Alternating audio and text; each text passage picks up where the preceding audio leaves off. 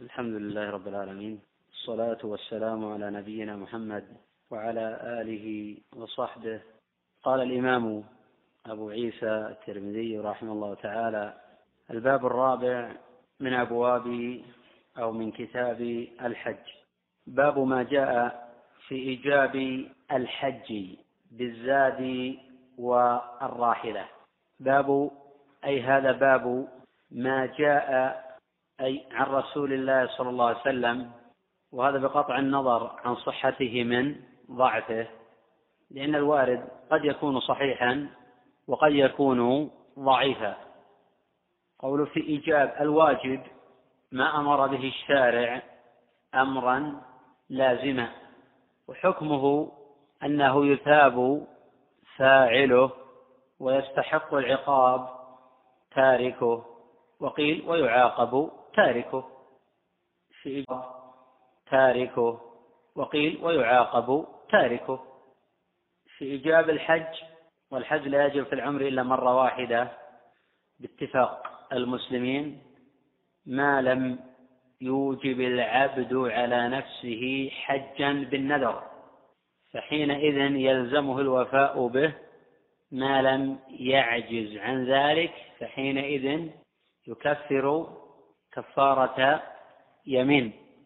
لقوله صلى الله عليه وسلم كفارة النذر كفارة يمين.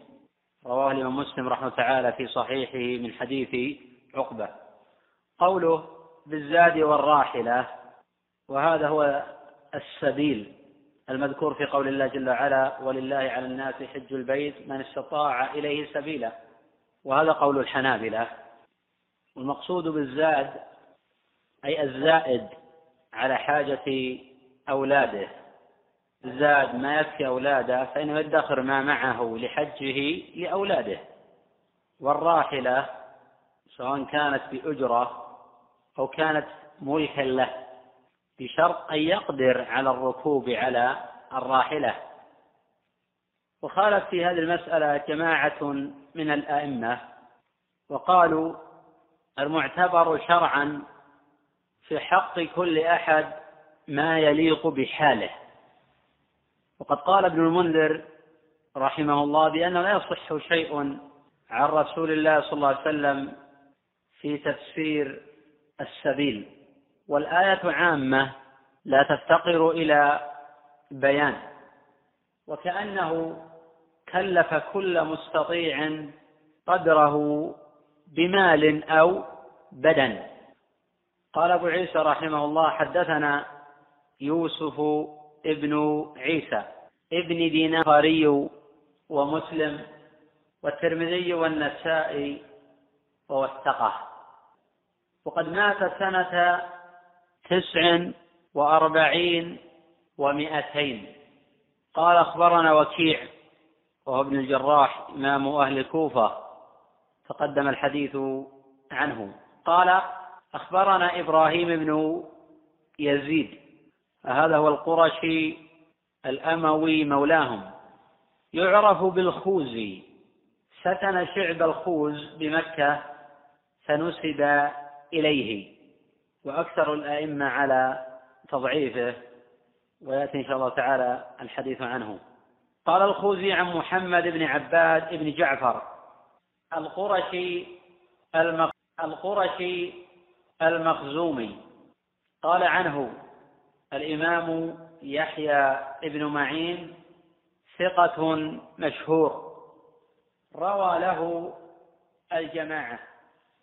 قال محمد عن ابن عمر رضي الله عنهما قال جاء رجل إلى النبي صلى الله عليه وسلم فقال يا رسول الله فيها الأدب في الخطاب والأدب في السؤال وفيه السؤال عما يشكل وفيه معنى قول الله جل وعلا فاسألوا أهل الذكر إن كنتم لا تعلمون بالبينات والزبر. ما يوجب الحج أي ما هي الشروط الواجبة للحج؟ فإذا كانت موجودة كان الحج واجبا والحج لا يجب في العمر إلا مرة واحدة. فإن الله حج البيت من استطاع إليه سبيلا. قال النبي صلى الله عليه وسلم مبينا الاستطاعة قال الزاد والراحلة. وهذه الاستطاعة المذكورة في قوله تعالى من استطاع إليه سبيلا. فالاستطاعة شرط للوجوب دون الإجزاء. فمن كملت له الشروط الإسلام والعقل والبلوغ والحري والحرية والاستطاعة الزاد والراحلة والقدرة على الركوب وأمن الطريق والمحرم للمرأة. وجب حينئذ المبادرة إلى الحج وهو على الفور في مذهب أبي حنيفة وأحمد وأحمد. وقال الشافعي هو على التراخي وتقدم شرح هذا. وقد جاء في مسند أحمد وابن ماجه عن النبي صلى الله عليه وسلم قال تعجلوا إلى الحج فإن أحدكم لا يدري ما يعرض له. في إسناده إسماعيل بن خليفة سيء الحفظ. وجاء في سنن أبي داود من طريق أبي صفوان عن ابن عباس وأبو صفوان قال عنه أبو زرعة لا أعرفه. قد تقدم بأن الصواب في معنى الاستطاعة والسبيل أنه معتبر شرعا في حق كل كل أحد ما يليق بحاله لأن الله جل وعلا أوجب على كل عبد مستطيع قدره بمال وأمن طريق ونحو ذلك. وتخصيص وجوب الحج بالزاد والراحلة لم يثبت به نص عن رسول الله صلى الله عليه وسلم. قال أبو عيسى على حديث الباب هذا حديث حسن والحسن في اصطلاح أبي عيسى إذا لم يقرن به لفظ آخر هو ما جاء من غير وجه ولم يكن في إسناده كذاب ولا متهم بالكذب ولم يكن معلولا ولا شاذا. وهذا الخبر جاء من غير وجه ولكنه لا يصح من ذلك شيء. ولا تقوى على الارتقاء بمجموعها إلى درجة إلى درجة الحسن لغيره. وحديث الباب رواه ابن ماجه والشافعي والطبري والعقيلي في الضعفاء والدار قطني. والبيهقي كلهم من طريق إبراهيم الخوزي. وإبراهيم الخوزي قال عنه أبو عيسى تكلم فيه بعض أهل العلم من قبل حفظه. وقد تكلم فيه أكثر الأئمة. فهم يذهبون إلى تضعيفه وترك حديثه. قال الإمام أحمد رحمه الله تعالى متروك الحديث. وقال ابن معين ليس بثقة ليس بشيء. وقال أبو زرعة وأبو حاتم منكر الحديث ضعيف الحديث. وقال أبو بشر الدولابي عن البخاري سكتوا عنه قال الدولابي يعني تركوه. وقال البيهقي محمد بن عبد الله ابن عبيد بن عمير عن محمد بن عباد إلا أنه أضعف من إبراهيم ابن يزيد. ورواه أيضا محمد بن الحجاج عن جرير بن حازم عن محمد بن عباد ومحمد بن الحجاج متروك. وله طريق أخرى عن ابن عمر قال ابن أبي حاتم في العلل سألت علي بن الحسين ابن الجنيد. عن حديث رواه سعيد بن سلام العطار عن عبد الله بن عمر العمري عن نافع عن ابن عمر عن النبي صلى الله عليه وسلم. قال هذا حديث باطل. نحوه رواه ابن ماجه بسند ضعيف. ونحوه عن عائشة رواه العقيلي وجاء عن أنس مرفوعا ولا يصح والمحفوظ قتادة عن الحسن عن النبي صلى الله عليه وسلم مرسلا. وحينئذ لا يصح شيء في تفسير قول الله جل وعلا من استطاع إليه سبيلا. ويكون المعتبر شرعا في حق كل أحد ما يليق بحاله. فالزاد والراحلة والقدرة على الركوب وأمن الطريق والمحرم للمرأة هذه من واجبات الحج دون الإجزاء. بمعنى لو أن فقيرا حج صح حجه. بمعنى لو أن المرأة حجت بدون صح حجها مع الإثم. على تفصيل في ذلك بالنسبة للمحرم للمرأة. لأن بعض الفقهاء يجوز للمرأة أن تحج فرضها مع نساء ثقات مستدلين بأن بعض أزواج رسول الله صلى الله عليه وسلم خرجن للحج بدون محرم بصحبة نساء ثقات والصحابة رضي الله عنهم. ويأتي إن شاء الله الحديث عن هذه المسألة فإن النبي صلى الله عليه وسلم قال لا تسافر المرأة إلا مع ذي محرم. والخبر هذا متفق على صحته. فمنع النبي صلى الله عليه وسلم أن تسافر المرأة سواء كان لحج أو لعمرة لطاعة أو لغير طاعة إلا مع ذي محرم. وبدليل أن امرأة خرجت حاجة مع نساء ثقات ومع أصحاب رسول الله صلى الله عليه وسلم. وقد اكتتب زوجها في غزوة كذا مع ذي محرم. وبدليل أن امرأة خرجت حاجة مع نساء ثقات ومع أصحاب رسول الله صلى الله عليه وسلم. وقد اكتتب زوجها في غزوة كذا وكذا. فقال يا رسول الله إن امرأتي خرجت حاجة وأنا اكتتبت في غزوة كذا وكذا. فأمره النبي صلى الله عليه وسلم يلحق بزوجته وأن يدع الجهاد. فهذا دليل على أن المحرم للمرأة واجب وأن المرأة لا تسافر إلا مع ذي محرم سواء كان لحج أو لعمرة أو لغير ذلك.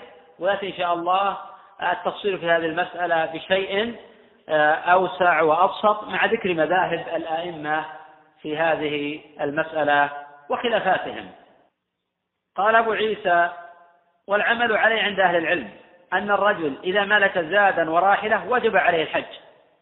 في هذا مسائل المسألة الأولى الحج لا يجب في العمر إلا مرة واحدة ومثل وجوبها. الأمر الثاني أن قول أبي عيسى عند أهل العلم صوابه يقال عند أكثر أهل العلم لأن طائفة من العلماء يخالفون في هذه المسألة ويرون أن وجود وملك الزاد والراحلة غير كاف في إجابة الحج. لأنه قد يملك زادا ويملك راحلة ولا يستطيع الركوب على الراحلة. بدليل أن المرأة جاءت إلى النبي صلى الله عليه وسلم فقالت يا رسول الله إن فريضة الحج. أدركت أبي شيخا كبيرا لا يستطيع الثبوت على الراحلة. الحديث بطوله. فأذن النبي صلى الله عليه وسلم المرأة أن تحج عن أبيها. ليس لأنه لا يملك زادا ولا راحلة ولكن لأنه لا يستطيع الثبوت على الراحلة. ومن ذلك أنه قد يملك زادا. وراحلة ويستطيع الركوب على الراحلة. ولكنه لا يأمن الطريق. ولكنه لا يأمن الطريق. الوجوب. ومن ذلك المرأة قد تجد زادا وراحلة وتأمن الطريق ولا تجد محرما. فحينئذ يسقط عنها الوجوب. الأمر الثالث أن المعتبر شرعا في حق كل كل أحد ما يليق بحاله وهذا الذي صار إليه جمع من الأئمة. وتقدم قول ابن المنذر بأنه لا يصح شيء في تفسير السبيل والآية عامة لا تفتقر إلى بيان. وكأنه كلف كل مستطيع قدره بمال أو بدن. ويؤخذ من ذلك أن الحج على الفور. من قول إذا ملك زادا وراحلة وجب عليه الحج. وهذا الذي صار إليه الإمام أحمد رحمه الله تعالى. وهو مذهب أبي حنيفة. والشافعي إلى أنه على التراخي لأن الحج فرض في السنة التاسعة ولم يحج النبي صلى الله عليه وسلم إلا في السنة العاشرة. وقد قيل إن الحج فرض قبل التاسعة. وقد اتفق العلماء على أن النبي صلى الله عليه وسلم لم يحج بعد الهجرة إلا حجة واحدة وهي مسمى بحجة الوداع واتفق العلماء على أنها كانت في السنة العاشرة. وتقدم التفصيل في هذا وأنه لا يصح الإطلاق أو القول بأنه واجب على الفور مطلقا ولا أنه على التراخي مطلقا. لأنه حين يقال عن الحج على التراخي ما حد هذا التراخي؟ وحين يقال بأنه على الفور قد يبادر العبد إلى الحج وإن قد توفرت شروط الوجوب من الزاد والراحل والقدرة على الركوب وأمن الطريق. ولكن لم تتوفر الرفقة التي تعين ولكن لم تتوفر الرفقة التي تعين على ضبط المناسك وأداء الواجبات على الوجه المطلوب. وينتظر رفقة تعينه على أداء الحج على الوجه المطلوب. فيكون هذا مسوغا له لتأخير آه، الحج. ولكن بشرط أن يبحث عن هذه الرفقة لأنه ما لا يتم الواجب إلا به فهو واجب. ومن ذلك المرأة قد تجد زادا وراحلة وتأمن الطريق وتقدر على الركوب وتجد محرما. ولكن هذا المحرم لا يفهم في المناسك. وفي نفس الوقت ترى المرأة أن هذا المحرم لا يليق الخروج معه. لأنه لا يولي المناسك عناية. فقد يؤدي بالمرأة إلى ترك الواجبات وفعل المحظورات. ترى أن الرجل غير كف. وتبحث عن كف آخر فلم تجد. ممكن تؤخر الحج إلى عام آخر. يعتبر هذا عذرا ومسوغا. ما لم يحصل عند المرأة غلبة. تحج هذا العام لا تستطيع الحج في أعوام قادمة. فحين تحج مع هذا الرجل ولو فيه شيء من الأخطاء. خير من ترك الحج مطلقا. قال أبو عيسى رحمه الله تعالى الباب الخامس باب ما جاء كم فرض الحج أي من مرة. أي كم فرض الحج من مرة. فرض الحج على الذكر والأنثى مرة واحدة بإجماع المسلمين. وهذا بالنسبة للشريعة وسماحتها وشموليتها ومراعاتها لمصالح العباد والبلاد. فإن الله جل وعلا لو فرض الحج كل سنة لشق ذلك على كثير من الناس أو على كل الناس. ولما قدر الكثير المسارعة إلى ذلك وحصل في ذلك أضرار أو حصل جراء ذلك أضرار كثيرة. فإن الله جل وعلا بحكمته وعلمه في العمر وفي نفس الوقت قال الله جل وعلا من استطاع إليه سبيلا. لا يكلف الله نفسا إلا وسعها. ما جعل عليكم في الدين من حرج. ولهذا قال صلى الله عليه وسلم أحب الأديان الله الحنيفية السمحة. رواه البخاري معلقة وصل البخاري في الأدب المفرد. من حديث ابن عباس رضي الله عنهما.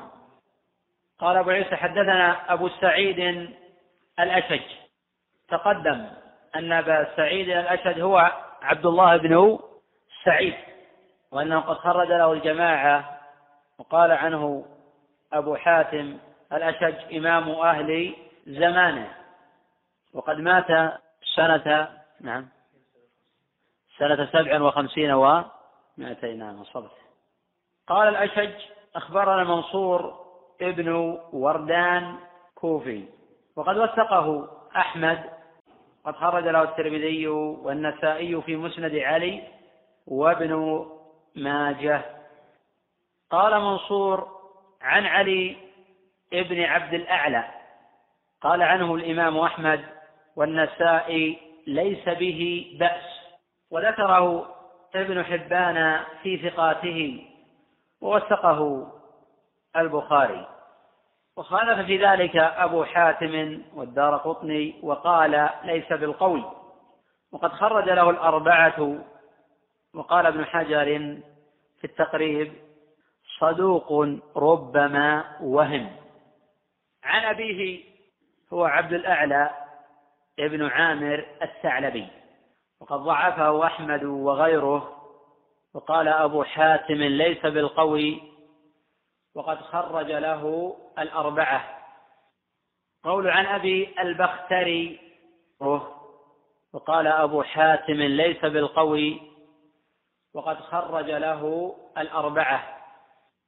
قول عن أبي البختري وهو سعيد بن فيروز الكوفي ثقة ثبت وهو من الثالثة. عن علي بن أبي طالب أي أبو البختري عن علي. وقد أشار أبو عيسى إلى أن أبا البختري لم يدرك عليا فحينئذ فيه انقطاع بين أبي البختري وبين علي. وهذا الذي ذكره علي بن المديني وأبو زرعة وجماعة من الحفاظ. فقد اتفق علي المديني والبخاري وأبو زرعة على أن أبا البختري لم يلقى عليا. البخاري يقول لم يدرك عليا. ابن المدينة يقول لم يلقى عليا. أبو زرعة يقول لم يسمع من علي شيئا. وهذه علة ثانية في الحديث. العلة الأولى ضعف ابن عامر. العلة الثانية الانقطاع بين أبي البختري وعلي. قال علي رضي الله عنه لما نزلت في دلالة على أن القرآن كلام الله وأنه غير مخلوق وأن الله جل وعلا تكلم به حقيقة وهذا محل إجماع وفيه إثبات العلو لله جل وعلا لأن النزول يكون من أعلى إلى أسفل وهذا لا يختلف فيه أهل السنة والجماعة. فإن الله جل وعلا فوق السماوات مستو على عرشه الرحمن على العرش استوى. آمنتم من في السماء؟ لما نزلت ولله على الناس حج البيت من استطاع إليه سبيلا. يؤخذ من هذه الآية أن العمرة غير واجبة فإن الله لم يذكر العمرة. ولو كانت واجبة لذكرها كما ذكرها حين أمر بإتمامها في قوله وأتم وقد اختلف العلماء والفقهاء رحمهم الله في حكم العمرة. فقيل واجبة وهذا قول ابن عباس وابن عمر ورواية عن الإمام أحمد دون أهل مكة فلا تجب عليهم العمرة. وعنه أي عن الإمام أحمد أن العمرة سنة وهو أحد القولين للشافعي وهو مذهب أبي حنيفة ومالك. واختلف القول عن شيخ الإسلام ابن تيمية. ذكر في شرح العمدة بأن العمرة سنة وذكر في الفتاوى بأن العمرة واجبة. والعمدة السابقة للفتاوى ويؤخذ من قول العالم آخر القولين عنه. وإلى السنية صار جماعة من الصحابة فإن العمرة دخلت في الحج إلى يوم القيامة. ولو واجبة لبين ذلك النبي صلى الله عليه وسلم بيانا عاما يعلمه العام والخاص. والروايات الواردة عن رسول الله صلى الله عليه وسلم في وجوب العمرة لا يثبت منها شيء. غاية ما في الباب آثار عن الصحابة منهم من ذهب إلى وجوبها ومنهم من ذهب إلى استحبابها. والذين يقولون بوجوب العمرة يرون العمرة مع الحج مجزئة عن الواجب. فمن حج متمتعا فإن هذه العمرة تجزئ عن العمرة الواجبة. لأنه بقدرته يحج مفردا. ولأنه على الصحيح لو أن رجلا حج متمتعا ثم اعتمر إذا طاف البيت وسعى سعى سوف يحل. إذا أراد يرجع إلى بلده له ذلك. ولا يجب عليه البقاء. ولا يجب عليه البقاء لأن العمرة منفصلة. ولكن لو أراد يؤدي الحج في أشهر الحج وجب عليه يكون متمتعا. قول قالوا أي لما نزلت ولله على الناس حج البيت من استطاع إليه سبيلا قالوا أي قال الصحابة رضي الله عنهم يا رسول الله في حسن الأدب في الخطاب احترام العلماء ومعرفة قدرهم ومنزلتهم وفي تقدير الصحابة رضي الله عنهم لرسول الله صلى الله عليه وسلم ومعرفة قدره ومكانته. وعلو شأنه. فلم يكن واحد منهم يقول يا محمد في شأن الأعراب حين يأتون الرسول صلى الله عليه وسلم يقول يا محمد. كانوا يقولون يا رسول الله. أفي كل عام فسكت.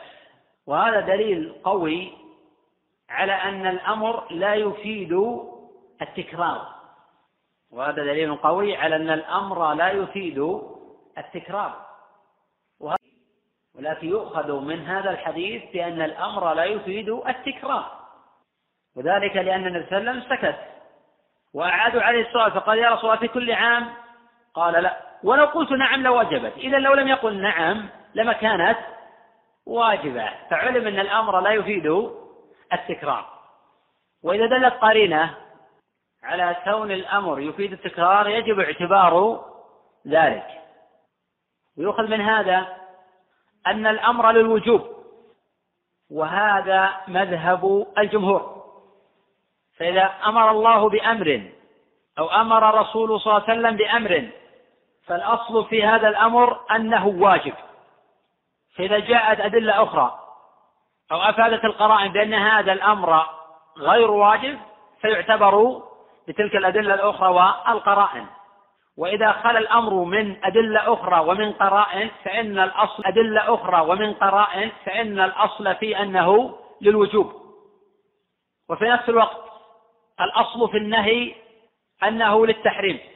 ما لم تدل ما لم تدل أدلة أخرى على أنه ليس للتحريم. فحين نهى النبي صلى الله عليه وسلم عن الشرب قائما هذا للتحريم. لكن جاءت أدلة أخرى بأن النبي صلى الله عليه وسلم شرب قائما فعلم أن النهي للتنزيه. وإلى هذا أشار في المراقي بقوله وربما يفعل للمكروه مبينا أنه للتنزيه فصار في حقه من القرب كالنهي أن يشرب من فم القرب. وهذا كله على القول الراجح ولا في هذه المسألة فيها خلاف؟ هل الأمر يفيد الوجوب أم لا في خلاف؟ هل النهي يفيد الوجوب آه، آه، التحريم أم لا؟ في خلاف. ولكن ذهب الجمهور إلى أن الأمر للوجوب ويستثنون من ذلك الآداب وذهب الجمهور إلى أن النهي للتحديد الأكثر للوجوب. وقيل للندب أو المطلوب وقيل للوجوب أمر الرب وأمر من أرسله للندب. قالوا يا رسول الله في كل عام؟ فسكت. فقال يا رسول الله في كل عام؟ قال لا. لأنه لا حرج من تكرار السؤال على العالم. إذا غلب على الظن أنه لم يسمع أو كان السائل بحاجة إلى جواب يفهمه ويستوعبه ويأخذه. قوله ولو قلت نعم لوجبت. لو قلت أن الحج في كل عام لوجب هذا الأمر وفي نفس الوقت لا تطيقون. لكن لا داعي أن تسألوا عن شيء قد يفرض عليكم وأنتم لا تطيقونه. قد كان النبي صلى الله عليه وسلم يدع بعض الأمور خشية أن تفرض. خشية أن يشق على الأمة. وهذا من الأدلة الواضحة على ما تقدم ذكره بأن كان النبي صلى الله عليه وسلم يدع بعض الأمور خشية أن تفرض خشية أن يشق على الأمة. وهذا من الأدلة الواضحة على ما تقدم ذكره بأن الأمر لا يفيد التكرار. فحين أمرهم بالحج ما أفاد التكرار وحين سأل الصحابي سكتوا وحين سأل أجاب بقوله قلت نعم لوجبت إذا حين سكت النبي صلى الله عليه وسلم كان هذا دليلا على أن الأصل في الأمر أنه لا يفيد التكرار. قوله فأنزل الله يا أيها الذين آمنوا لا تسألوا عن أشياء إن تبد لكم تسؤكم. وقد جاء في الصحيحين أن هذه الآية نزلت حين سأل رجل رسول الله صلى الله عليه وسلم فقال من أبي؟ قال فلان. فنزلت هذه الآية لا تسألوا عن أشياء إن تبد لكم تسؤكم. قال أبو عيسى وفي الباب عن ابن عباس وأبي هريرة. حديث غيره. وفي فقام الأقرع بن حابس. فقال أفي كل عام يا رسول الله. وحديث أبي هريرة خرجه الإمام مسلم رحمه تعالى في صحيحه. قال أبو عيسى حديث علي حديث حسن غريب من هذا الوجه. وفي كثير من النسخ حديث علي حديث غريب دون وصفه بالحسن. تقدم مرارا أن أبا عيسى إذا وصف الحديث الحسن بالغرابة فلا يصدق عليه التعريف الذي اصطلحه في آخر جامعه ولا يصدق هذا التعريف إلا على الحسن المفرد المجرد من كل قرينة ومن كل لفظ. وجه الغرابة في هذا الخبر أنه تفرد به أبو البختري عن علي وعبد الأعلى عن أبي البختري. وعبد الأعلى ضعيف والبختري لم يسمع من علي. وأمر آخر رسول الله صلى الله عليه وسلم لم تذكر أنه لما نزلت هذه الآية ولله على نفس حج البيت. ولا أن الله جل وعلا أنزل يا أيها الذين آمنوا لا تسألوا عن أشياء إن تبد لكم تسؤكم. ووجه كونه حسنا باعتبار أنه حسن المعنى فقد جاء بمعناه بمعنى أن الحج لم يفرض في العمر إلا مرة. حديث أبي هريرة وهو في مسلم وحديث ابن عباس حين خطب النبي صلى الله عليه وسلم فقال يا أيها الناس كتب عليكم الحج. فقام الأقرع بن حابس فقال أفي كل عام يا رسول الله؟ قال قلتها لوجبت ولو وجبت لم تعملوا بها ولم تستطيعوا أن تعملوا بها. الحج مرة فما فمن زاد فهو تطوع. وتقدم رواه أبو داود وأحمد والنسائي وابن ماجه والحاكم وصححه. قال أبو عيسى وسمعت محمدا يقول بك عليا. وهذه الجملة سقطت في في بعض النسخ جامع أبي عيسى. تجب إضافتها لأنها محفوظة في جامع أبي عيسى. وذكر ابن أبي حاتم في كتابه المراسيل قال علي بن المديني أبو البختري لم يلقى عليا. وقال أبو زرعة البختري لم يسمع من علي شيئا.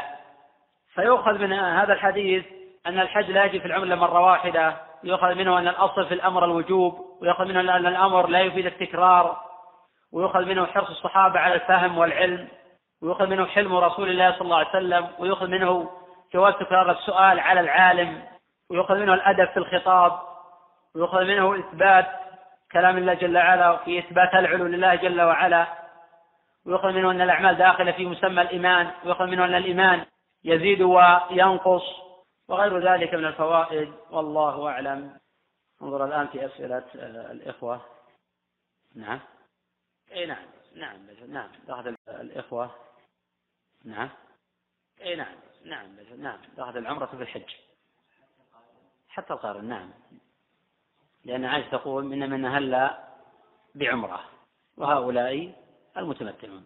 ومن من أهل بحج وهؤلاء المفردون. ومن من أهل بحج وعمرة. وحين نزل جبريل على النبي صلى الله عليه وسلم قال قل عمرة في حجة. فهذه العمرة مجة عن عمرة آه، الإسلام إذا قيل بوجوبها. هذا السائل من بريطانيا يقول طالب يدرس في بريطانيا ويرغب قضاء إجازته في جدة وهو لا ينوي الحج ولكن يقول سوف أعتمر قبل نهاية الإجازة فهل عليه يعتمر قبل الميقات أم لا؟ في تفصيل في هذه المسألة وذلك على النحو التالي. الحالة الأولى أن يأتي إلى أن يتجاوز المواقيت ناويا للحج أو للعمرة. فهذا يجب عليه حتى لو على السفر هو الحج أو العمرة. فهذا لا يحل له يتجاوز المواقيت بدون إحرام. هذه الحالة الأولى. الحالة الثانية أن يتجاوز المواقيت غير ناو لحج ولا لعمرة. فهذا له أن يتجاوز الميقات بدون إحرام. وإذا نوى فيما بعد أن يحج أو أن يعتمر يلبي من مكانه. فإن كان في العمرة فيخرج إلى أدنى الحل. وإن كان في الحج فقد قال النبي صلى الله عليه وسلم حتى أهل مكة يهلون من مكة. الحالة الثالثة أن ينوي الأمرين معا أن ينوي قضاء الحاجة في جدة وفي نفس الوقت ينوي الحج أو العمرة. فإن كان لا يميز بين النيتين فيغلب جانب الإحرام من الميقات. وإن كان لا الأصل في نيته أنه يريد قضاء الحاجة فحينئذ لا حرج أن يقضي حاجته ثم يحرم بعد ذلك. فإن كان هذا الأخ ينوي قضاء الحاجة وإذا انتهت حاجته ينوي العمرة أو الحج والبعث على السفر هو قضاء الحاجة. فحينئذ لا حرج أن يتجاوز المواقيت بدون إحرام. وإذا قضى حاجة فإنه يحرم. وإذا كان ينوي الحج والباعث له على السفر هو الحج والعمرة. فهذا يحرم عليه يتجاوز المواقيت بدون إحرام. إذا كان ماذا؟ لا إذا كان يعني ذهب للحاجة ودخلت العمرة تبعا يحرم من مكان يحرم من جدة. وإذا كانت النيتان آه، معا فإنه يحرم من الميقات. وإذا تجاوز الميقات بدون إحرام فإنه الحمد لله رب العالمين. والصلاة والسلام على نبينا محمد وعلى آله وصحبه. قال الإمام أبو عيسى الترمذي رحمه الله تعالى باب ما جاء كم حج النبي صلى الله عليه وسلم؟ باب أي هذا باب ما جاء أي في عدد حجات رسول الله صلى الله عليه وسلم أو في عدد حجج رسول الله صلى الله عليه وسلم. والحكم يختلف في عدد الحجج قبل الهجرة وفي عدد الحجج بعد الهجرة. فلا يختلف العلماء أن النبي صلى الله عليه وسلم لم يحج أن النبي صلى الله عليه وسلم لم يحج بعد هجرته إلا حجة واحدة. وقد جاء الخلاف وقد جاء الخلاف في عدد حجج رسول الله صلى الله عليه وسلم قبل الهجرة. فمنهم من قال حج حججا لا يعرف عددها. ومنهم من قال كان يحج كل سنة قبل أن يهاجر. ومنهم من قال لم يثبت في ذلك شيء. نتعرف على ذلك من خلال عرض الإمام أبي عيسى الترمذي رحمه الله تعالى. قال حدثنا عبد الله ابن أبي زياد. عبد الله هو ابن الحكم القطواني وثقه ابن أبي حاتم وروى عنه أبو داود وابن ماجه وذكره ابن حبان في ثقاته. قال عبد الله أخبرنا زيد بن حباب. هذا زيد بن الحباب تقدم الحديث عنه عن سفيان وهو الثوري. تقدم الحديث عنه عن جعفر ابن محمد. عن أبيه عن جابر بن عبد الله أن النبي صلى الله عليه وسلم حج ثلاث حجج. حجتين قبل أن يهاجر وحجة بعدما هاجر. معها عمرة فساق ثلاثا وستين بدنة وجاء علي من اليمن ببقيتها فيها جمل لأبي جهل في أنفه برة بضم الباء وتخفيف الراء حلقة تكون في أنف البعير من فضة فنحرها فأمر رسول الله صلى الله عليه وسلم من كل بدنة ببضعة فطبخت فشرب من مرقها. قال أبو عيسى هذا حديث غريب من حديث سفيان أن لا نعرفه إلا من حديث زيد بن حباب. وقد رواه ابن ماجه من حديث القاسم ابن محمد ابن عباس. قال حدثنا عبد الله بن داود. قال حدثنا سفيان. فهذه متابعة لزيد. وقد رواه عبد الله بن داود عن سفيان. وعبد الله بن داود هو الهمداني أبو عبد الرحمن المعروف بالخريبي خرج له البخاري الأربعة. وثقه ابن معين وأبو زرعة والنسائي وابن سعد. وقد مات سنة ثلاث عشر ومائتين وتوثيق عبد الله بن داود لا يمنع من الحكم على الحديث بالنكارة بالنكارة. فقد جاء أصل الحديث في الصحيحين. دون أوله حج ثلاث حجج حجتين قبل يهاجر وحجة بعدما هاجر. الأمر الثاني أن الحفاظ يروون هذا الحديث من طرق عن سفيان ولم يذكر واحد منهم ما ذكره زيد بن الحباب وعبد الله بن داود. الأمر الثالث أنه غريب من حديث زيد بن الحباب وغير معروف من حديث عبد الله بن داود. ولذلك ضعفه البخاري والترمذي وغيرهما. الأمر الرابع ذكر جماعة من العلماء أنه معارض لحديث أنس حين سئل كم حج حين سئل كم حج النبي صلى الله عليه وسلم قال حجة واحدة. وهذا يمكن أن يجاب عنه بأن قصد أنس حج النبي صلى الله عليه وسلم حجة واحدة بعد الهجرة. وقد جاء في الصحيحين عن جبير بن مطعم قال أضللت بعيرا لي فذهبت أطلبه يوم عرفة فرأيت النبي صلى الله عليه وسلم واقفا بعرفة فقلت هذا والله من الحمص فما شأنه؟ ها هنا. وجاء عند إسحاق بن راهويه وابن خزيمة قال جبير كانت قريش إنما تدفع من المزدلفة ويقولون نحن الحمص فلا نخرج من الحرم.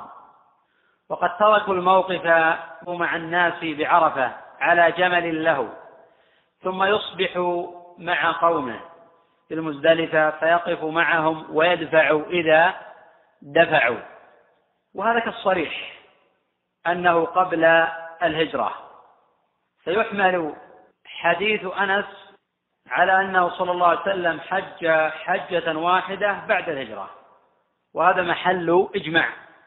وأما قبل الهجرة فلم يأتي نص على أنه لم يحج.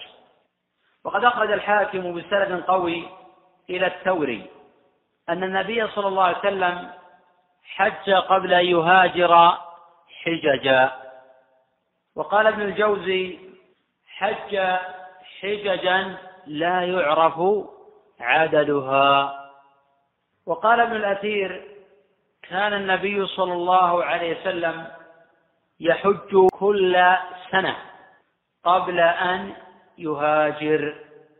قال أبو عيسى وقد رأيت عبد الله بن عبد الرحمن وهو الإمام الدارمي رحمه الله تعالى روى هذا الحديث في كتبه عن عبد الله بن أبي زياد وسألت محمدا عن هذا فلم يعرفه من حديث الثوري عن جعفر عن أبي عن جابر عن النبي صلى الله عليه وسلم ورأيته لا يعد هذا الحديث محفوظا وقال إنما يروى عن الثوري عن أبي إسحاق عن مجاهد مرسل.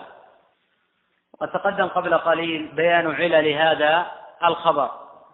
وأنه لا يثبت عن النبي صلى الله عليه وسلم ولا يثبت عدد حجج رسول الله صلى الله عليه وسلم قبل الهجرة ولم يأتي نص صريح أنه لم يحج قبل الهجرة. حجج رسول الله صلى الله عليه وسلم قبل الهجرة ولم يأتي نص صريح أنه لم يحج قبل الهجرة. وقد تقدمت رواية إسحاق ورواية ابن خزيمة وأصل الخبر في الصحيحين وهذا يفهم منه أن النبي صلى الله عليه وسلم حج قبل أن يهاجر. وحينئذ لا يكون في ذلك تنافي بين حديث جبير ابن مطعم وبين حديث أنس. فإن جبيرا يخبر أنه رأى النبي صلى الله عليه وسلم يقف حيث وقفوا ويدفع حيث دفعوا. وأما أنس فقال حج حجة واحدة باعتبار بعد الهجرة لأن أنسا حين قدم النبي صلى الله عليه وسلم المدينة كان عمره عشر سنين فهو يخبر عما عاين وعما رأى. ابن هلال أخبرنا همام وهو ابن يحيى أخبرنا قتادة قال قلت لأنس ابن مالك كم حج النبي صلى الله عليه وسلم؟ قال حجة واحدة واعتمر أربع عمر. عمرة في ذي القعدة وعمرة الحديبية وعمرة مع حجته وعمرة الجعرانة. إذ قسم غنيمة حنين. قال أبو عيسى هذا حديث حسن صحيح. وقد رواه البخاري في صحيحه من حديث حسان بن حسان حدثنا همام. ورواه مسلم عن محمد بن المثنى قال حدثنا عبد الصمد قال حدثنا همام. قال أبو عيسى وحبان بن الهلال هو أبو حبيب رحمه الله تعالى. إليه المنتهى في التثبت بالبصرة. وقال ابن سعد كان ثقة ثبتا كان ثقة ثبتا حجة وكان قد امتنع من التحديث قبل موته. مات بالبصرة في شهر رمضان سنة ست عشر ومائتين قول قال قتادة قلت لأنس كم حج النبي صلى الله عليه وسلم؟ فيه سؤال أهل العلم وفيه البحث عن هدي النبي صلى الله عليه وسلم وسيرته وفيه معرفة الأئمة لمكانة أنس بن مالك رضي الله عنه. فقد كانوا يسألونه لقربه وملازمته لرسول الله صلى الله عليه وسلم. فقد قدم النبي صلى الله عليه وسلم المدينة وكان عمر أنس عشر سنين فلازمه إلى أن توفي النبي صلى الله عليه وسلم وكان عمر أنس النبي صلى الله عليه وسلم وكان عمر أنس عشرين عاما. وهذا العشر لم يتخلف عنه أنس لا في حضر ولا في سفر. وهذا يقتضي أن يكون ملما في أفعال النبي صلى الله عليه وسلم وأقواله. قال قتادة قلت لأنس كم حج النبي صلى الله عليه وسلم؟ قال حجة واحدة أي حج حجة واحدة نصب على المصدرية. حمله جماعة من العلماء على ما قبل الهجرة وما بعدها. وهذا فيه نظر. فإن حمله على ما بعد الهجرة هذا محل إجماع. وحمله على ما قبل الهجرة فيه نظر. قد تقدم قبل قليل بيان ذلك. وأنه جاء ما يفيد بأن النبي صلى الله عليه وسلم حج قبل الهجرة. وأنه جاء ما يفيد بأن النبي صلى الله عليه وسلم حج قبل الهجرة حججا. قوله واحدة وكانت سنة عشر. على خلاف بين العلماء في وقت فرض الحج. فمنهم من قال بأنه فرض في السنة التاسعة. ومنهم من قال بأنه فرض قبل ذلك. ولعل الأدلة تفيد بأن الحج فرض في السنة التاسعة. وقد حج بالمسلمين في هذه السنة أبو بكر وأردفه النبي صلى الله عليه وسلم بعلي رضي الله عن الصحابة أجمعين. وأمرهما أن ينادي في الناس لا يحج بعد بعد هذا العام مشرك ولا يطوف بالبيت عريان. وحج المسلمون معه وكانوا يقدرون بأكثر من مائة ألف. وأخبرهم النبي صلى الله عليه وسلم بالمناسك وعلمهم وأوضح لهم السنن وقال لتأخذوا مناسككم أي لتأخذوا عني مناسككم. والخبر جاء في صحيح الإمام مسلم من حديث جابر رضي الله عنه. وكان يستحثهم رسول الله صلى الله عليه وسلم على التعقل عنه والفهم وضبط الأحكام. وكان يقول لعلي لا ألقاكم بعد عامي هذا ولهذا سميت هذه الحجة بحجة الوداع حيث ودع النبي صلى الله عليه وسلم الناس وأشار إلى ذلك في عدة أحاديث. وفي هذه الحجة استقرت الأحكام واستبانت واجبات الحج وفروضه وهذا ناتج إلى صحة الأحاديث من ضعفها وإلى حمل الأحاديث على الوجوب أو على الندب وإلى حمل الأحاديث على الشرطية أو على الإيجاب وإلى الاختلاف في مفرداتها. حين رمى النبي صلى الله عليه وسلم سبعا هل يجزي يرمي ستا؟ طاف سبعا هل يجزي يطوف ستا؟ كل هذه أشياء مختلف فيها لكن في أشياء متفق عليها. فلا يختلف العلماء. أن النبي صلى الله عليه وسلم وقف في عرفة ولا أنه وقف في المزدلفة ولا أنه رمى الجمار ولا أنه طاف الإفاضة ولا أنه نحر ولا أنه رمى أيام التشريق هذا لا يختلف فيه العلماء. قوله واعتمر أربع عمر وهذا هو الثابت عن جمع من الصحابة. منهم ابن عمر وعائشة وجماعة. ذلك بأن النبي صلى الله عليه وسلم اعتمر أربع عمر وكلها على الصحيح ابن عمر وعائشة وجماعة.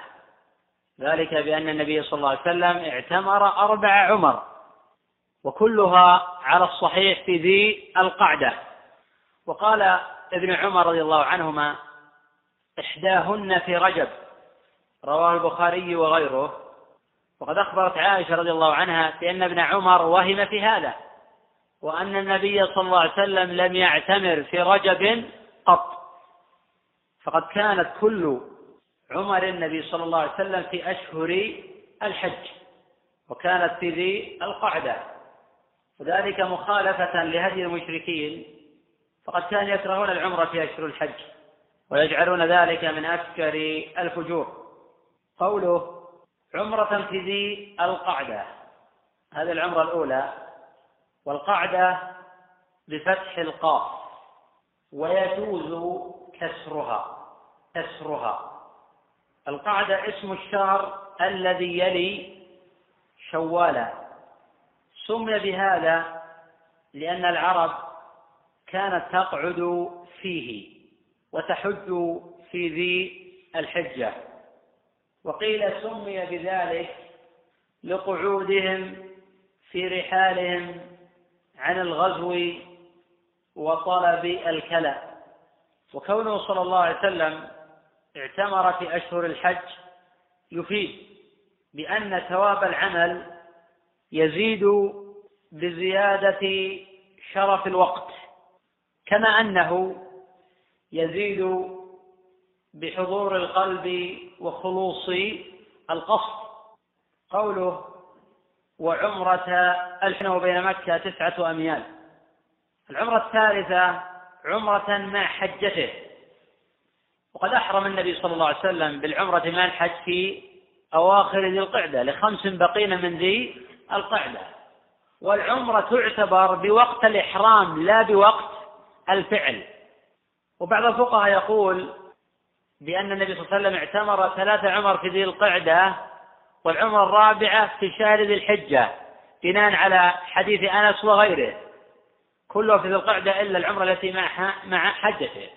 والصواب أن العمرة بوقت الإحرام لا بوقت الفعل.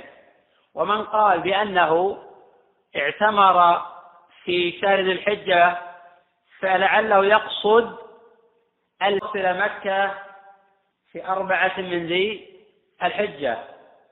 وقد أحرم بالعمرة لخمس بقين من شهر ذي القعدة. جاء هذا في صحيح البخاري من حديث ابن عباس. ومن أحرم بالعمرة ليلة الثلاثين من شعبان ولم يؤدي العمرة إلا في واحد من رمضان. فتعتبر عمرته في شعبان لا في رمضان.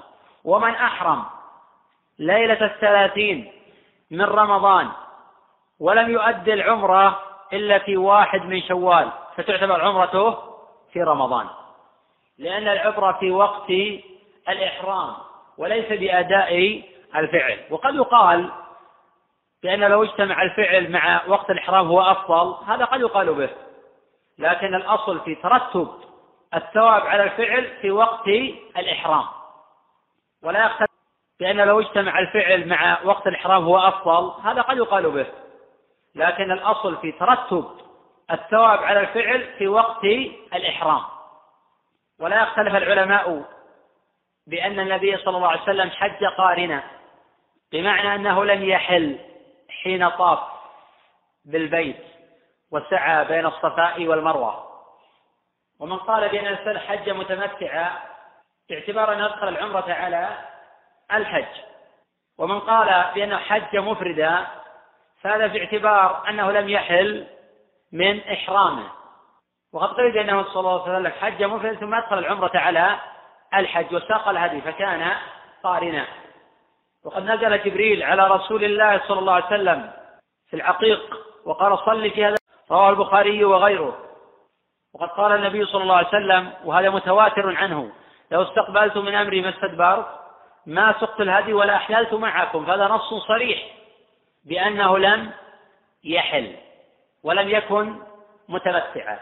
القران أو التمتع يطلق على نوعين يطلق على التمتع الخاص يطلق على التمتع العام الذي يدخل فيه القران. فمن قال تمتع الرسول صلى الله عليه وسلم فيقصد بذلك التمتع العام لا يقصد ذلك التمتع الخاص. الذي يطوف بالبيت ويسعى ثم يحول لأن الروايات متفقة على أن وسلم لم يحل بعد طوافه وسعيه. وتواتر عنه صلى الله عليه وسلم أنه قال لولا أني سقت الهدي لأحللت معكم وحين قالت له حفصة ما شأن الناس حلوا ولم تحل قال إني لبت رأسي وقلدت هدي فلا أحل حتى أنحر. وهذا متفق على تجزي عن عمرة الإسلام في من يرى وجوبها. والعمرة التي توجد مع التمتع تجزي عن عمرة الإسلام عند من يرى وجوب العمرة. ومسألة وجوب العمرة مسألة خلافية تقدم بحثها بالأمس. الله جل وعلا أوجب الحج ولم يذكر العمرة وقد دخلت العمرة في الحج إلى يوم القيامة. ولم يأتي عن النبي صلى الله عليه وسلم نص صريح في وجوب العمرة. والصحابة مختلفون في هذا والاستكثار من ذلك مطلب. تقدم قوله صلى الله عليه وسلم تابعوا بين الحج والعمرة فإنهما ينفيان الفقر والذنوب كما ينفي الكير خبث الذهب والحديد والفضة. رواه أبو عيسى وغيره بسند جيد. قوله وعمرة الجعرانة يجوز الجعرانة التخفيف والتشديد. يجوز الجعرانة ويجوز الجعرانة وجهان صحيحان. الجعرانة موضع بينه وبين مكة تسعة أميال وقيل أقل من ذلك فقد جزم غير واحد بأن الجعرانة موضع بينها وبين مكة ستة أميال. وهي معروفة إلى هذا الوقت قريبة من مكة جدا. قول إذ قسم غنيمة حنين. حنين الموضع الذي وجد فيه الغزوة. المذكورة في قول الله جل وعلا ويوم حنين. وذلك بعد فتح مكة سنة ثمان فهذا الحديث الصحيح يفيد أن النبي صلى الله عليه وسلم اعتمر أربع عمر وأن هذه العمر كانت في أشهر الحج وكانت في ذي القعدة ولم يعتمر النبي صلى الله عليه وسلم في رجب قط. وكون ابن عمر قال بأن إحداهن في رجب بينت عائشة غلط ابن عمر ففي أن العالم الكبير قد يخطئ. وفي أن ثواب العمل يزيد بزيادة شرف الوقت أن العالم الكبير قد يخطئ. وفي أن ثواب العمل يزيد بزيادة شرف الوقت كما أنه يزيد بحضور القلب وخلوص القصد. وفي فضيلة العمرة في ذي القعدة على العمرة عن بقية الشهور. وفيها أن النبي صلى الله عليه وسلم كان يتقصد إيقاع العمر في أشهر الحج. ولم يكن هذا من باب الموافقة. وذلك ليري المشركين بأن هديه مخالف لهديهم وليعلم الناس بأن العمرة في أشهر الحج غير مكروهة. قال أبو عيسى رحمه الله تعالى في الباب السابع من أبواب الحج باب ما جاء كم اعتمر النبي صلى الله عليه وسلم. المحفوظ أنه صلى الله عليه وسلم اعتمر أربع عمر. كلها في أشهر الحج مخالف ويؤخذ من هذا أن العمرة في أشهر الحج أفضل من العمرة في رجب. وقد كانت كل عمر النبي صلى الله عليه وسلم في ذي القعدة. وقد اختلف العلماء في المفاضلة بين العمرة في ذي القعدة والعمرة في رمضان والأكثرون على تفضيل العمرة في رمضان على العمرة في ذي القعدة. لأنه يجتمع في عمرة رمضان أفضل الزمان وأفضل البقاع. وجاء في الصحيحين أن النبي صلى الله عليه وسلم قال لامرأة من الأنصار ما منعك أن تحجي معنا؟ قالت كان لنا ناضح فركب أبو فلان وابنه لزوجها وابنها وترك ناضحا ننضح عليه. فقال النبي صلى الله عليه وسلم فإذا كان رمضان اعتمري فيه فإن عمرة في رمضان تعجل وقال آخرون بأن العمرة في ذي القعدة أفضل من العمرة في رمضان لوجوه. الوجه الأول أن النبي صلى الله عليه وسلم اعتمر في ذي القعدة ولم يعتمر في رمضان. ولا يختار الله لنبيه إلا الأفضل والأكمل. كما يقال في تفضيل القرآن لمن ساق الهدي على التمتع باعتبار أن الله لا يختار لنبيه إلا الأكمل والأفضل. الوجه الثاني أنه لم يثبت عن صحابي قط أنه اعتمر في شهر رمضان. الوجه الثالث أن الفقهاء مختلفون في حكم العمرة في رمضان. فمنهم من قال العمرة في رمضان كبقية الشهور. ويجيبون عن حديث ابن عباس حين قال للمرأة فإن عمرة في رمضان تعدل الحج بأنه خاص بالمرأة. ومنهم من قال إنه يختص بكل من كان في حكم المرأة. فإن المرأة حين فاتها الحج المرأة. فإن المرأة حين فاتها الحج أخبرها النبي صلى الله عليه وسلم أنه حين فاتها لعذر تعتمر في رمضان تكون العمرة في رمضان تعدل الحجة التي قد فاتت لعذر. وهذا الذي مال إليه شيخ الإسلام ابن تيمية رحمه الله. ومنهم من قال بأن العمرة في رمضان مستحبة مطلقة وهي أفضل من غيرها وهذا قول الجمهور. أخذا بحديث ابن عباس. أصحاب القول الأول يقولون بأن القول أبلغ من الفعل. القول أبلغ من الفعل. وكون النبي صلى الله عليه وسلم لم يعتمر في رمضان فلعله للشغل ولعله خشى يشق على الأمة. وفي نفس الوقت نبه بقوله وأخبر العمرة تعدل الحجة. بخلاف العمرة في ذي القعدة لم يخبر بأنها تعدل كذا وكذا. قال أبو عيسى رحمه الله تعالى حدثنا قتيبة. قال أبو عيسى رحمه الله تعالى حدثنا قتيبة وابن سعيد. أخبرنا داود بن عبد الرحمن العطار. قد وثقه ابن معين. وقال أبو حاتم لا بأس به صالح. وقال ابن معين سفيان بن عيينة أحب إلي في عمرو بن دينار من داود العطار. وقد خرج له الجماعة وجاء عن البخاري أنه قال يهم في الشيء. وقد قيل بأنه ولد سنة مئة ومات سنة خمس وسبعين ومئة. روى داود العطار عن عمرو بن دينار عن عكرمة عن ابن عباس أن رسول الله صلى الله عليه وسلم اعتمر أربع عمر. وهذا أفاده حديث أنس المتفق على صحته. قال عمرة الحديبية وعمرة الثانية من قابل عمرة القضاء في الرابعة التي مع حجته.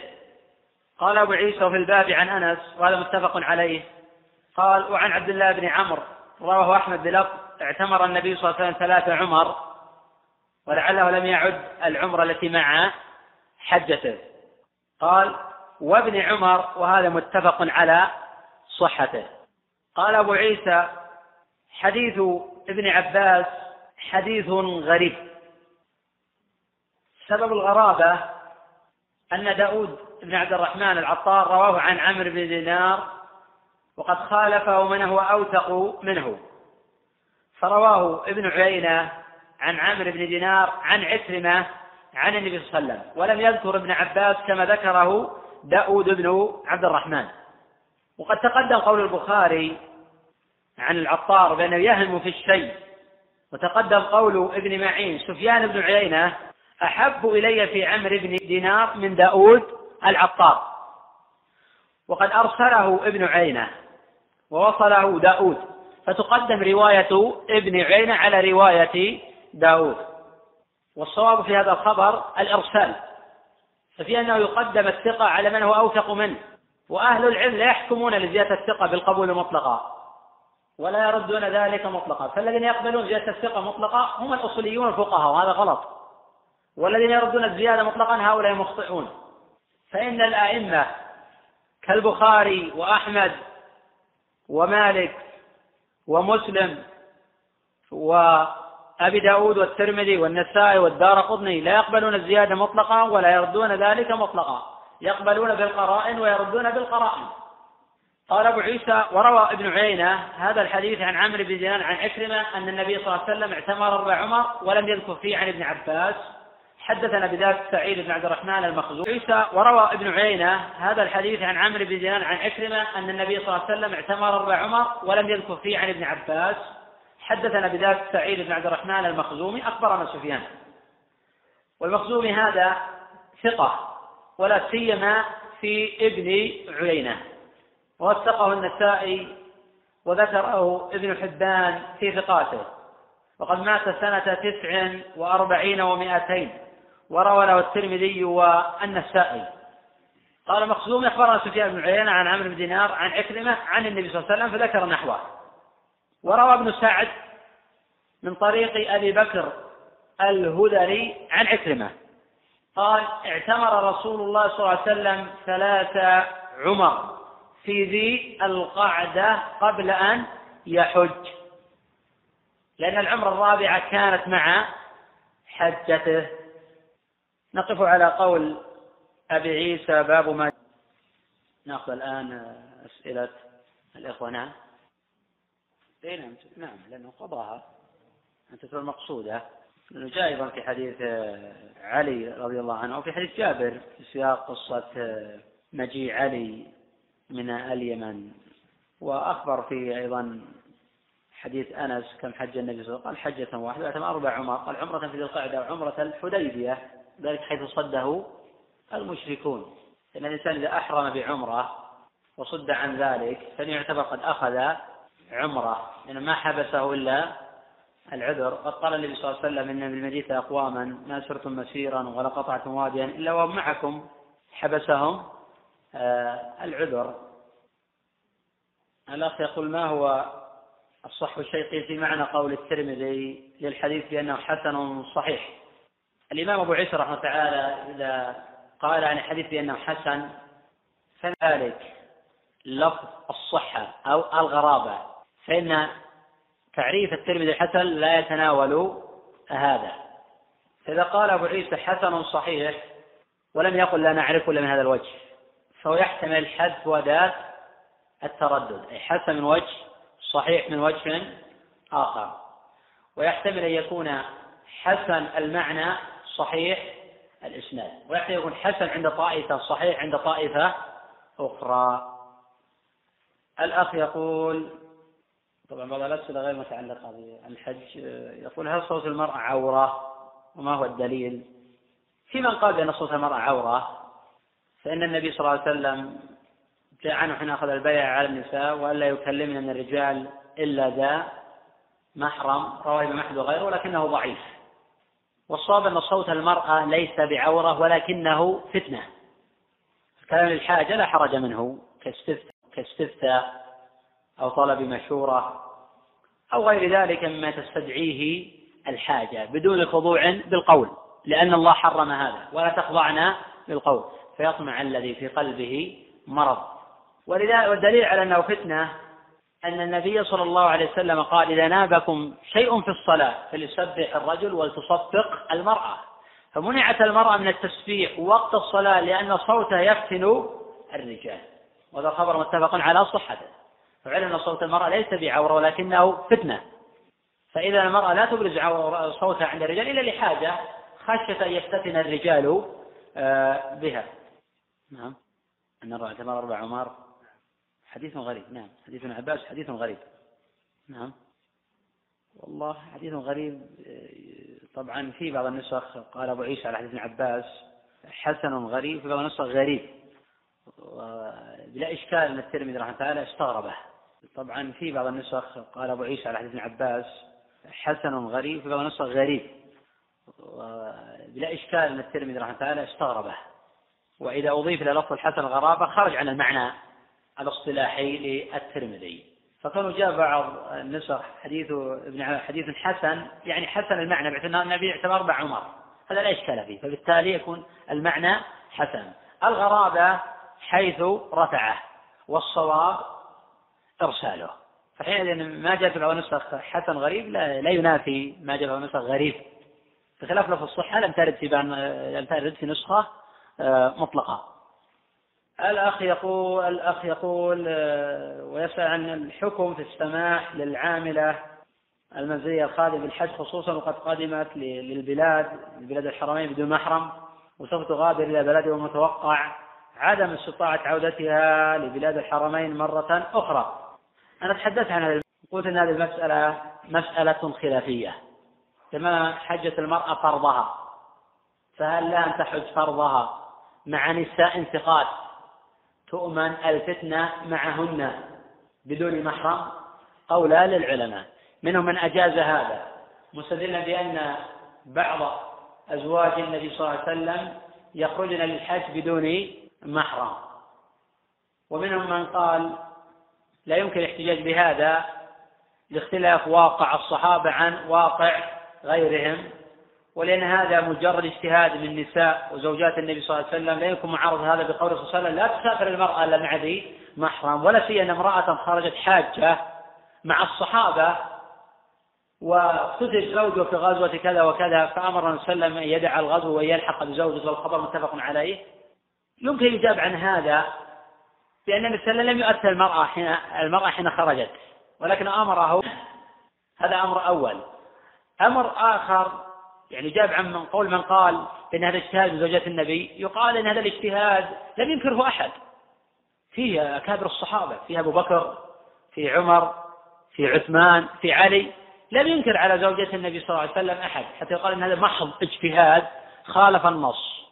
فلهذا بعض العلماء يستثني من النص لا تسافر المرأة مع حرم إذا خرجت للحج آه، الواجب مع نساء ثقات. هذه مسألة مسألة آه، اجتهادية ولا سيما في سؤال الأخ من المتوقع يقول عدم استطاعة عودتها للبلاد الحرمين مرة أخرى فهذا قد يكون مسوغا.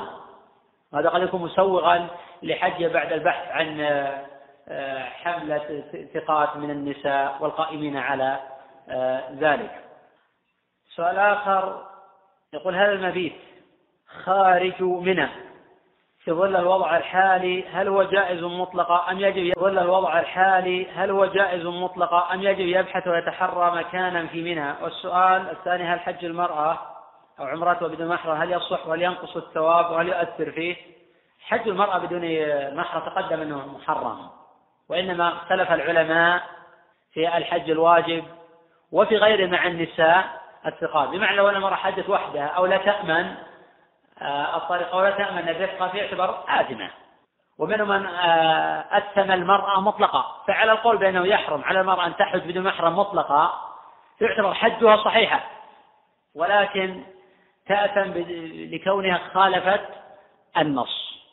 وأما المبيت خارج منها الأصل في أن الإنسان يبحث عن مكان في منى والصواب أن المبيت في منى واجب. الصواب أن المبيت في منى واجب وليس شرطا. في من قال بأنه واجب في من قال بأنه سنة. واختلفت الرواية عن أحمد. عنه رواية بأن المبيت في واجب عنه رواية بأن المبيت في واجب وعنه رواية بأنه سنة وعنه رواية بأنه واجب ولكن لا دم على من تركه. هذه ثلاث روايات عن أحمد ومنهم جعل الرواية الثالثة وجها باعتبار أنه مستنبط من الرواية. وبقية الأئمة مختلفون في هذه المسألة. منهم من قال بأنه واجب ومنهم من قال بأنه سنة. الصحابة رضي الله عنهم مختلفون في ذلك. منهم من قال بأنه واجب ومنهم من قال بأنه سنة. ولعل القول بوجوب المبيت في منى أقوى من القول بسنية ذلك. ولكن في من وجد مكانا مهيئا يليق بمثله. لأنه لا يؤذن للرجل يبيت على الرصيف ويعرض نفسه للخطر. ما لم يكن هذا الرصيف آمنا ويليق بمثله. لا يؤذن للمرأة أن تبيت على الرصيف ومن مر بها رآها وافتتن بها أو حين تنام تظهر عورتها. لأن ظهور العورة في مثل الحالة إثم ومعصية. لأن ظهور العورة في مثل الحالة إثم ومعصية. وكونها تدع المبيت بمنى لكونها لم تجد مكانا لا إثم عليها ولا فدية عليها. والقاعدة القاعدة تقول بأن الواجب يسقط مع العذر.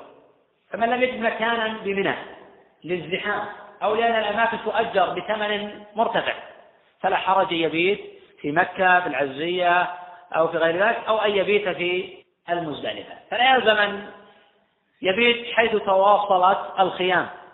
هذا لا دليل عليه. ولا يدل عليه أيضا فقه ولا قياس ولا نظر. لأنه حين نقول بنبيت حيث تواصلت الخيام فحينئذ نعوض الناس الحكم بهذا. والقياس بينه على اتصال الصلاة هذا غير صحيح. لأن اتصال الصلاة مربوط بعضه ببعض لابد أن يشاهد أو أسمع. وهذا غير مربوط هذا غير مربوط بمن؟ كان في منى. أنا مربوط بالبقعة مربوط بالآخرين.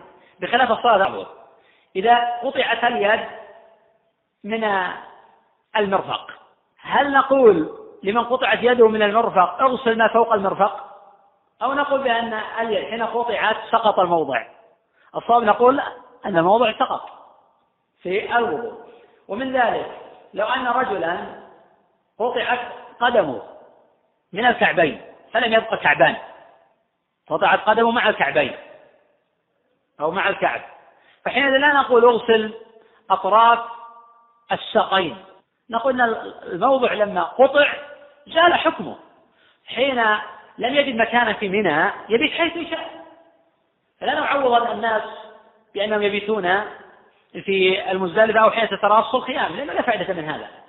فنقول لمن كان في منى يبيت حيث شاء فلا نعوض الناس بأنهم يبيتون في المزدلفة أو حين تتراص الخيام لأنه لا فائدة من هذا. فنقول لمن فاته المبيت منها لعذر أو مسوغ شرعي يبيت حيث شاء. أما كون يجب عليه يبحث أم لا يجب ويتحرى على قدر الطاقة وإذا غلب على ظنه أنه لا يجد آه، بالذات في وقتنا حين تؤجر الخيام وطبعا تأجير الخيام غير مسوغ شرعي. الأصل أنه لا تؤجر الخيام من المناخ من سبق. ولا يجب تأجير الخيام كان المفروض أن تسكنون بالمجاني. ما يسكنون بمبالغ. لأن صنعت من بيت مال المسلمين. وبالتالي أن الناس يسكنون لأنه من بيت مال المسلمين. ولكن حين ترتفع أسعار مباهاة ومغالاة فللإنسان يبيت حيث شاء لأن هذا واجب. وبالذات حين يرتفع الثمن لا يجب عليه آه، أن يستأجر آه، لذلك. الأخ يقول إذا نذر المسلم أن يحج كل عام وتم منع عملية وبدنية فحينئذ إذا نذر يكفر عن نذره ولا شيء عليه ويسقط. لقول صلى الله عليه وسلم كفارة النذر كفارة آه، يمين يطعم عشرة مساكين. يأخذ هذا حكم حكم كفارة اليمين. قال من الجنوب يقول هل الإمام الترمذي متساهلين تضعيف كما ذكر بعض العلماء؟ ذكر ذلك الذهبي رحمه تعالى ومن وافقه ولم يذكر ذلك كثير من العلماء أو الأئمة آه، الكبار. فالإمام أبو عيسى رحمه تعالى ليس من المتساهلين. شأنه في ذلك شأن بقية أئمة السلف آه، يصيب ويخطئ وكونه صحح لبعض الأئمة الذين آه، ذهب الجمهور إلى تضعيفهم هذا لا يفيد أنه متساهل. ولا سيما بعض الرواة الذين ذهب في صحيح حديثهم. والأئمة على تضعيفهم وافقوا على ذلك البخاري كحديث كثير وحديث جماعة. وقال البخاري عن الإفريقي هو مقارب الحديث. ومعظم حديث وحديث أبي عيسى عن الأحاديث من الصحة كلامي شيخه أبي عبد الله البخاري رحمه الله تعالى. وحسبك به جلالة وقدرا وعلما وفقها ومعرفة. فلا يوصف أبو عيسى رحمه تعالى بالتساهل كما لا يوصف أبو حاتم ولا يحل سعيد بالتشدد. لأن يقتضي هذا أن من صح حديثا جانا في الصواب يوصف بالتساهل ومن ضعف حديثا جانا في الصواب يوصف بالتشدد. فلا يخلو عالم من وصف بالتساهل أو بالتشدد. قد يقول قال نسبر الأكثرية حتى لو سبر الأكثرية يعتبر تصحيحها بعيسى متوسطا ومطابقا لتصحيحات الأئمة. ولا مانع أن العالم يزل. يختلف أبو عيسى والذين يضعون أبا عيسى في مصاف الحاكم هؤلاء مخطئون ظالمون لأنفسهم وظالمون لهؤلاء الأئمة.